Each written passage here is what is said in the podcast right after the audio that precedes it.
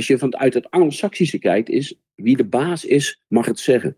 Als je vanuit Rijnlandse principes kijkt, is wie het weet, mag het zeggen. Je luistert naar Verhalen in Veiligheid. Deze podcast brengt verhalen over veiligheid samen van de mensen die het doen. Met wisselende onderwerpen. Verhalen vanuit de wetenschap, verhalen vanuit de praktijk, maar vooral verhalen die raken uit ons mooie vak. Uw presentatrice Orlie Borlak. Welkom uh, luisteraars. Het is weer uh, tijd voor een uh, mooie podcast. Ik zit in de studio met Ruud Plomp. Hij is werkzaam bij Artemas Academy en hij houdt zich bezig met organisatieontwikkeling, is een Rijnlander. Hij denkt anders over veiligheid, is tevens HC professional en voert dat natuurlijk ook uit in adviezen en praktische tips. En daarnaast houdt hij zich bezig met leiderschap. Ik ken Ruud als een avonturier en een grote boekenwurm. Dus ik vind het hartstikke leuk dat je hier bent om je kennis te delen. Welkom. Ja, dankjewel. En wij gaan het vandaag hebben over een uh, mooi onderwerp, uh, bestuurskunde en besturingsfilosofie. En kun je mij vertellen wat jij daaronder verstaat? Ja, ik kijk meestal naar organisaties en dan de wijze waarop zij het wereldbeeld of het mensbeeld wat zij gebruiken. Uh, zoals jij weet, als we naar besturingsfilosofie kijken, of besturingsconcept van organisaties, dan uh, kijken we vaak naar organogrammen, naar de taken, bevoegdheden, verantwoordelijkheden, uh, de instrumenten die er worden gebruikt en dergelijke, het leiderschapsmodel. En ik maak zelf altijd een onderscheid tussen twee systemen, dus twee besturingsfilosofieën. Stel je het systeem centraal of stel je de mens centraal? En dan heb je eigenlijk ook gelijk het verschil tussen het Rijnlands concept en het Anglo-Saxisch concept. En de luisteraar denkt, hmm, ik weet niet hmm. wat er wordt bedoeld. En bedoel je ermee dat je in het ene systeem meer gaat designen? Dus gaat dingen gaat vastleggen, gaat uh, ja, vervatten in procedures, in regels, in procesjes. Ja. En dat je in het andere systeem dat een beetje loslaat. En dat je dan meer gaat focussen op het proces van samenwerken. Moet ik het zo zien? Ja, grotendeels wel. Uh, als je hem heel plat slaat, zou je kunnen zeggen dat het Anglo-Saxische systeem is eigenlijk gemaakt om zekerheid te creëren. Dus controle, maakbaarheid, uh, voorspelbaarheid. Terwijl het, uh, het systeem juist onzekerheid accepteert als een, als een fact of life. He, daar zit eigenlijk gewoon de overtuiging in dat we, dat we niet alles kunnen voorspellen, niet alles kunnen maken. En dat we moeten leren om de mensen die binnen die organisatie werken, daarmee om te laten gaan. Precies, ik vergelijk het zelf altijd met voetbal. Ik weet niet, ben je een voetbalfan? Mm Ja, ja. Ouderwet voetbal was, ik heb een vaste man op een vaste plek. En als mhm. de coach dat goed doet, het team dusdanig goed op het veld neerzet, ja, dan gaan we winnen. En als, en als we niet winnen, dan staat niet de goede man op de goede plek. En als je de laatste tijd naar voetbal kijkt, hebben ze dat een beetje losgelaten. Zeggen ze, ja, maar we willen niet meer op vaste plekken staan. We willen niet meer vaste rollen hebben. Want de tegenpartij doet dat namelijk ook niet. Dus als wij dan ons vasthouden aan dat vaste systeem, dan gaan we sowieso verliezen. Ja. Dus je ziet dat ze op een andere manier gaan voetballen. Mensen hebben geen vaste plekken meer, geen vaste rollen meer. En er is niet altijd een vaste strategie. Nee, nee eh, vanuit het Rijnlands, uh, zeg maar de, de, de, de groep uh, met mensen vanuit Rijnlands denken, uh, maken we vaak het vergelijk tussen American football en, en zeg maar meer het Europese voetbal. waarbij het American football eigenlijk ja, bestaat uit heel veel regels en procedures. Hè. dat zit ook in, in, in boeken, dat het allemaal verwerkt. Spelhervattingen. Daar wordt ook het spel ontzettend vaak stilgelegd. Hè, om, om weer de nieuwe spelhervatting te bespreken. Terwijl als je kijkt bij het Europese voetbal, dan kun je het spel niet zomaar vastleggen. Er zijn ook geen time-outs. Je hebt alleen maar in principe de, de, de rust of een, of een, uh, een moment van een, uh, van een blessure om even iemand aan te spreken, om wat bij te sturen. Maar de sturing vindt plaats door de professionals op het veld. En niet zoals bij American football, door de trainers en de begeleiders aan de zijkant van, van de lijn. Maar hoeveel bedrijven hebben niet moeite met dat loslaten? Dat heel veel bedrijven willen hun risico's beheersen. Ja. En die draaien als eerst aan de knop regels en procedures. Klopt, klopt. Dat, uh, dat is ook mijn ervaring. en ik, ik merk ook als ik met, uh, met collega's in het veld praat, dat ze daar heel erg mee worstelen. Uh, aan de ene kant zegt hun gevoel van we zouden meer los moeten laten en willen laten. Aan de andere kant zijn ze er heel erg bang voor, voor de consequenties. Want ja, je wil natuurlijk geen incident. Waardoor ze eigenlijk onbedoeld, onbewust soms zelfs toch veel strakker aan het sturen zijn dan dat ze zelf zouden willen. En hoe begeleid je mensen naar dat vertrouwen? Want het klinkt ook een beetje als vertrouwen. Dat klopt. De Rijnlandse uitgangspunten zijn verbinding, vertrouwen, vakmanschap en inspiratie. En vertrouwen zit er met name ook in het vertrouwen in het vakmanschap van de mensen. En uh, als je vakmensen hebt, dan is veiligheid, of veilig werken zou ik eigenlijk liever willen zeggen, een, een vast onderdeel van hun vakmanschap.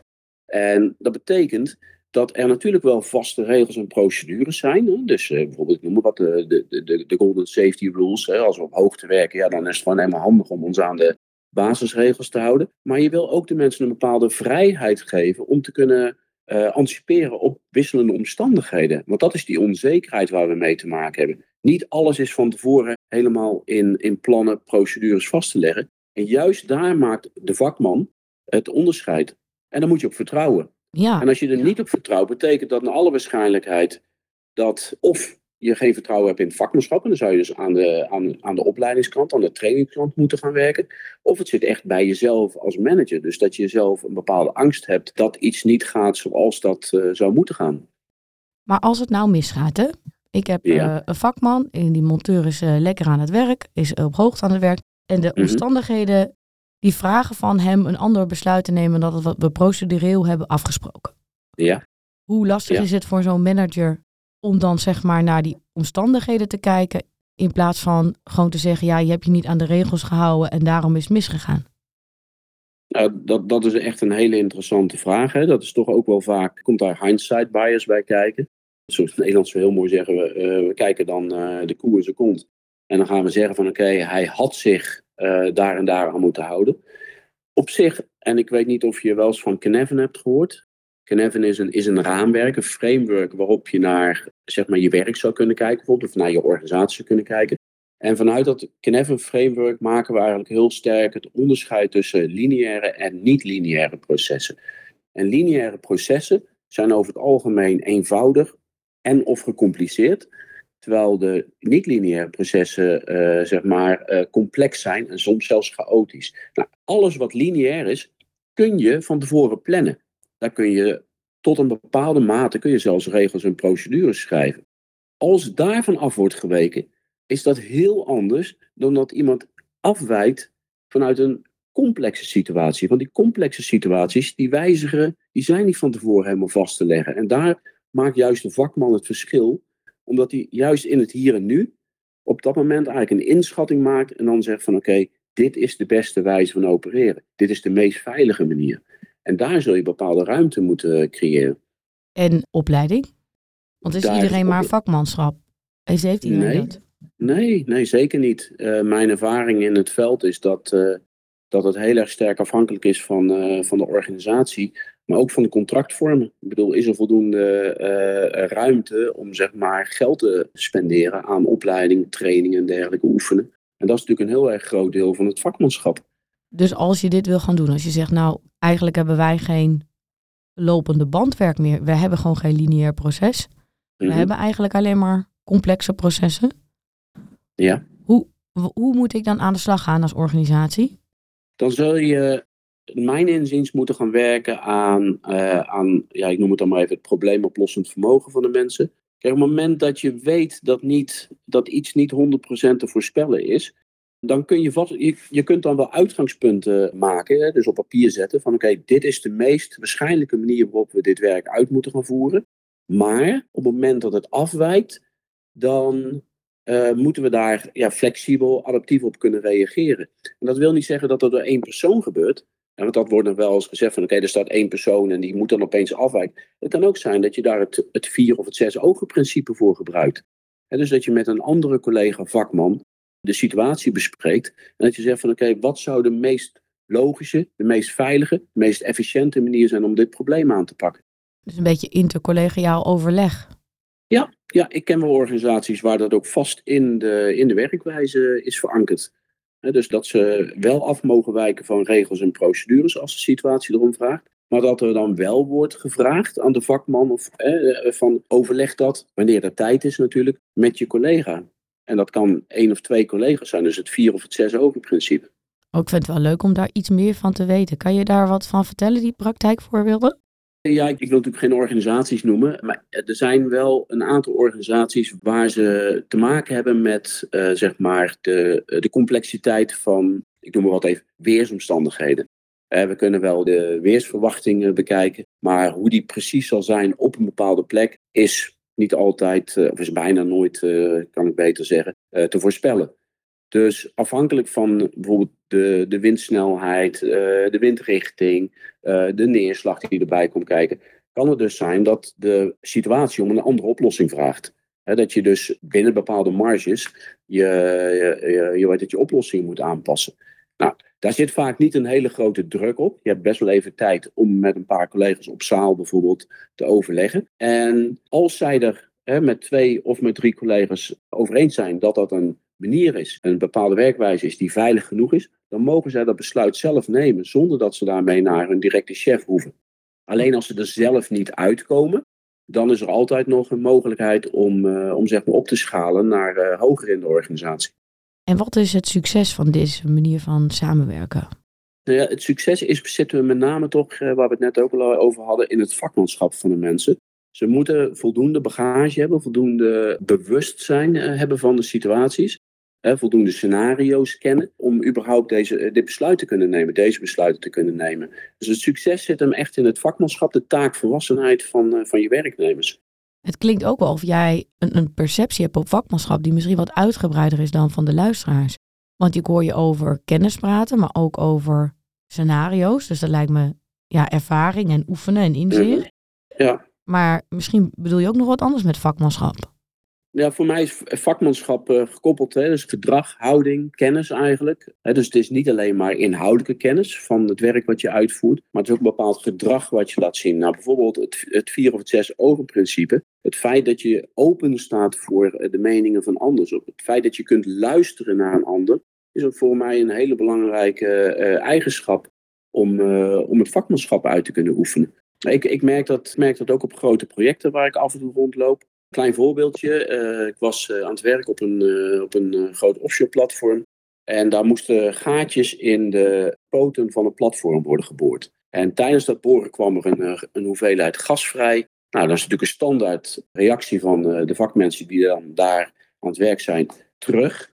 en op dat moment ga je kijken van oké, wat betekent dat voor het, de voortgang van het project? Als ze naar de vakmensen hadden geluisterd, dan hadden ze de situatie kunnen gaan meten. Dan hadden ze uh, veiligheidsmarges in kunnen bouwen. En hadden ze binnen afzienbare tijd weer met het project verder gekund. Alleen hier zaten een aantal managers bij die dat niet aandurfden. En die, uh, gingen, die schaalden op naar het hoofdkantoor in het betreffende land. Vervolgens werd er opgeschaald naar het, het, het, algehele hoofdkantoor, wat er ergens anders zat. En we hebben twee dagen niet kunnen werken voordat men uh, 100% zeker wist dat de situatie veilig was. Terwijl wij op de werkvloer al zeiden, het is veilig. Alleen men durfde daar niet naar te luisteren. Het lijkt me heel moeilijk. En dat betekent eigenlijk ook dat je last hebt van rank. Als je vakmanschap wil laten ja, bloeien, moet ik dat zo zeggen? Uit laten wil komen, bloeien tot uh, zijn kracht wil laten komen. Ja, wat zei je? Dat het afhankelijk is van? Nou, van de rank en de manier waarop leiders omgaan met hun positie en de positie van de mensen aan wie ze leiding geven. Ja, Klopt, klopt. Nou ja, eh, dan, dan, dan krijg je een heel mooie, een heel mooie term. Hè? Dus dat noemen we dan macht. Hè? En macht is, eh, is, is ja, het hele boeiende daarvan ik, vind ik dat, dat macht heel vaak een negatieve betekenis heeft. Hè? Wij, als we het over macht hebben, dan wordt er vaak gezegd van ja, maar dat is, dat is iemand die macht heeft over een ander. Terwijl als je echt vanuit de theorie van macht gaat kijken, dan is er en dan is deze macht 1.0 is er dan wel. Maar je hebt ook een bepaalde uh, vorm van uh, macht die veel meer gaat over verbinding, over luisteren, over het, uh, het respecteren van, van expertise, van vakmanschap en dergelijke. En dat betekent dus, als je vanuit het Anglo-Saxische kijkt, is wie de baas is, mag het zeggen. Als je vanuit Rijnlandse principes kijkt, is wie het weet, mag het zeggen. Daar, zit het, daar komt het vakmanschap dus ook in terug. Dus je gaat ervan uit dat iemand die betreffende kennis heeft, betreffende ervaring heeft, die weet hoe die met dat soort situaties om kan gaan, dat die ook kan zeggen welke oplossingen wordt gekozen, in plaats van dat het de basis die het enkel mag.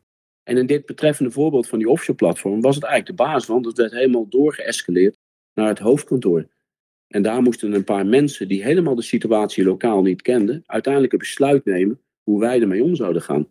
Maar is dat ook niet de manier waarop we naar leiders altijd hebben gekeken in het anglo-saxisch model? Van uh, ja, die leider die is alwetend, die, die is niet voor niks de baas geworden. Dat is de, ja, de expert, de echte grote man met alle ervaring en alle kennis. Ja, dat klopt.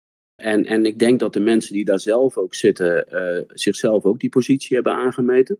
En van ik ben nu helemaal opgeklommen tot manager en van mij wordt er verwacht dat ik het weet. Terwijl als ik met mensen op de werkvloer uh, spreek, met name binnen hoogrisicobedrijven, is het heel vaak, ja, maar hij is al vijf jaar niet meer operationeel of nog langer dan dat. Hij weet helemaal niet meer hoe het er tegenwoordig aan toe gaat. We zien hem ook bijna nooit in de controlekamer. Hij legt regels en procedures op van afstand.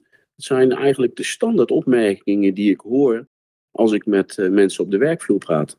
En dat is natuurlijk wel heel erg, heel erg boeiend dat dus de acceptatie door de operationele mensen daarmee ook eigenlijk al heel erg klein is. Ze hebben zoiets van, nou ja, een standaard opmerking die je vaak in de industrie is, we doen het of volgens de regels of na vijven. En dat bedoelen ze eigenlijk mee als de managers weg zijn. Van dan kunnen wij het op onze manier doen. En dat is nog steeds een veilige manier, maar we houden ons niet precies aan datgene wat ons is opgelegd. He, daar zie je ook trouwens het hele grote verschil tussen uh, regels en procedures aan de ene kant en afspraken aan de andere kant. Een afspraak, een werkafspraak, is iets wat je met elkaar maakt. Een regel en een procedure, zoals ik ze vaak zie in de praktijk, is vaak opgelegd, of is meestal opgelegd zelfs. En dat geeft dus ook een hele andere acceptatie bij de mensen die ermee moeten werken. En zie je dan ook een kloof ontstaan tussen zeg maar, de denkers op kantoor en de doeners in het veld?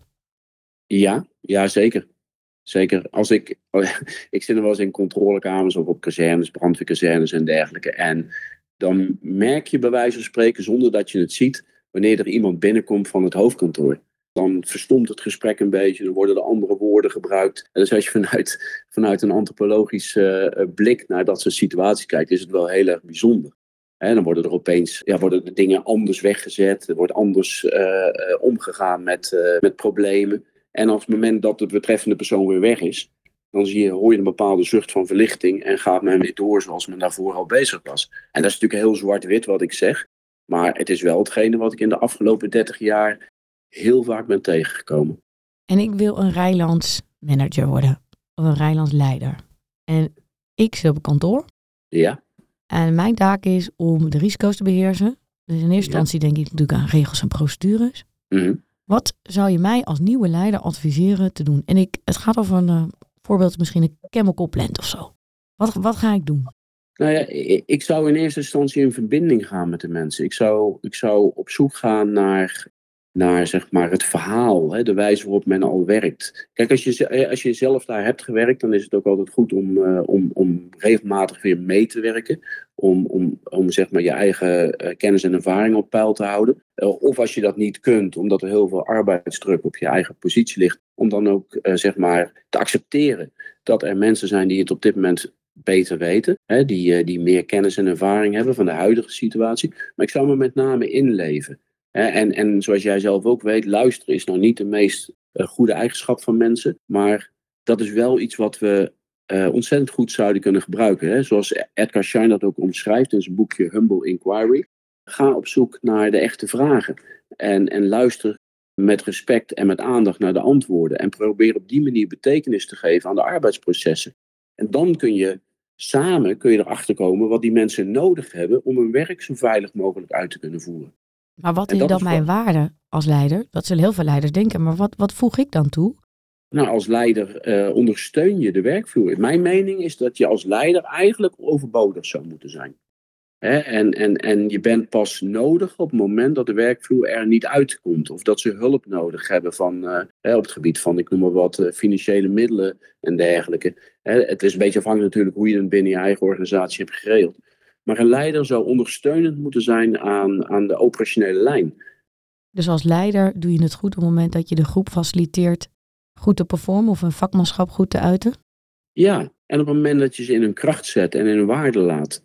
En, en, en uh, op het moment dat je ze ondersteunt, op het moment dat ze daarom vragen, of op het moment dat je merkt dat ze het mogelijk nodig zouden moeten hebben. En dan zou je met ze in gesprek kunnen gaan om erachter te komen of dat ook daadwerkelijk zo is. Kijk, denken voor, zei een collega ooit van mij, zou in het wetboek van strafrecht moeten komen. Je zou moeten praten over denken met. En dat vinden heel veel managers uh, best wel lastig. Ja, want je wordt toch betaald om te denken voor. Daar zit dus ook geen, geen kwaad uh, achter. Uh, het is dus ook niet dat ze dat echt bewust zo doen, maar het is vaak wel iets wat bij die positie komt.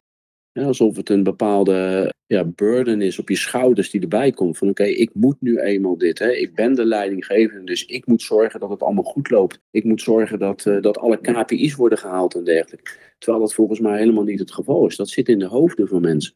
Om de vloer te veranderen, moeten we eigenlijk ook anders naar onszelf kijken, hoor ik je zeggen. Zeker, zeker. Daar begint het mee. Ik merk dat ook als wij uh, uh, met onze leergang Rijnlandse Veiligheid uh, daar hebben we wel eens mensen die de eerste twee dagen compleet in de weerstand zitten. Dan uh, krijgen ze verhalen te horen over, over zeg maar, de Rijnlandse uitgangspunten. Ja, en dat vinden ze allemaal onzin en dat kan niet. En uh, er worden alleen maar mitsen en maar opgeworpen. En als we bij het tweede en het derde blok komen, zie je dat het merendeel van die mensen wel heel erg ontstroeft. Er was er zelfs eentje die kwam thuis bij zijn vrouw. En hij dacht dat er niks zoveel, niet zoveel was veranderd. En zij keek hem aan en zei, wat is er met jou gebeurd? Je bent zo anders geworden. En toen zegt hij, toen pas besefte ik wat, het, wat zeg maar, het opzetten van een andere bril met je doet. Hij zegt, ik had het zelf niet in de gaten, maar ik was dus in, die, in al die dagen was ik wel anders gaan denken en anders gaan doen. Mooi. Dank je wel voor deze bijzondere podcast. En ik hoop dat de luisteraar er uh, een heleboel bij heeft geleerd. Ja, dankjewel voor, uh, nou ja, voor de mooie vraag, uh, Orly. En uh, heel veel succes ook met alles wat er nog gaat komen. Dankjewel. Je luisterde naar Verhalen in Veiligheid. Wil je niks missen van deze podcast? Abonneer je dan op deze podcast in je favoriete podcastplatform. Of laat een recensie achter via Apple Podcast. Dank voor het luisteren. Graag tot de volgende.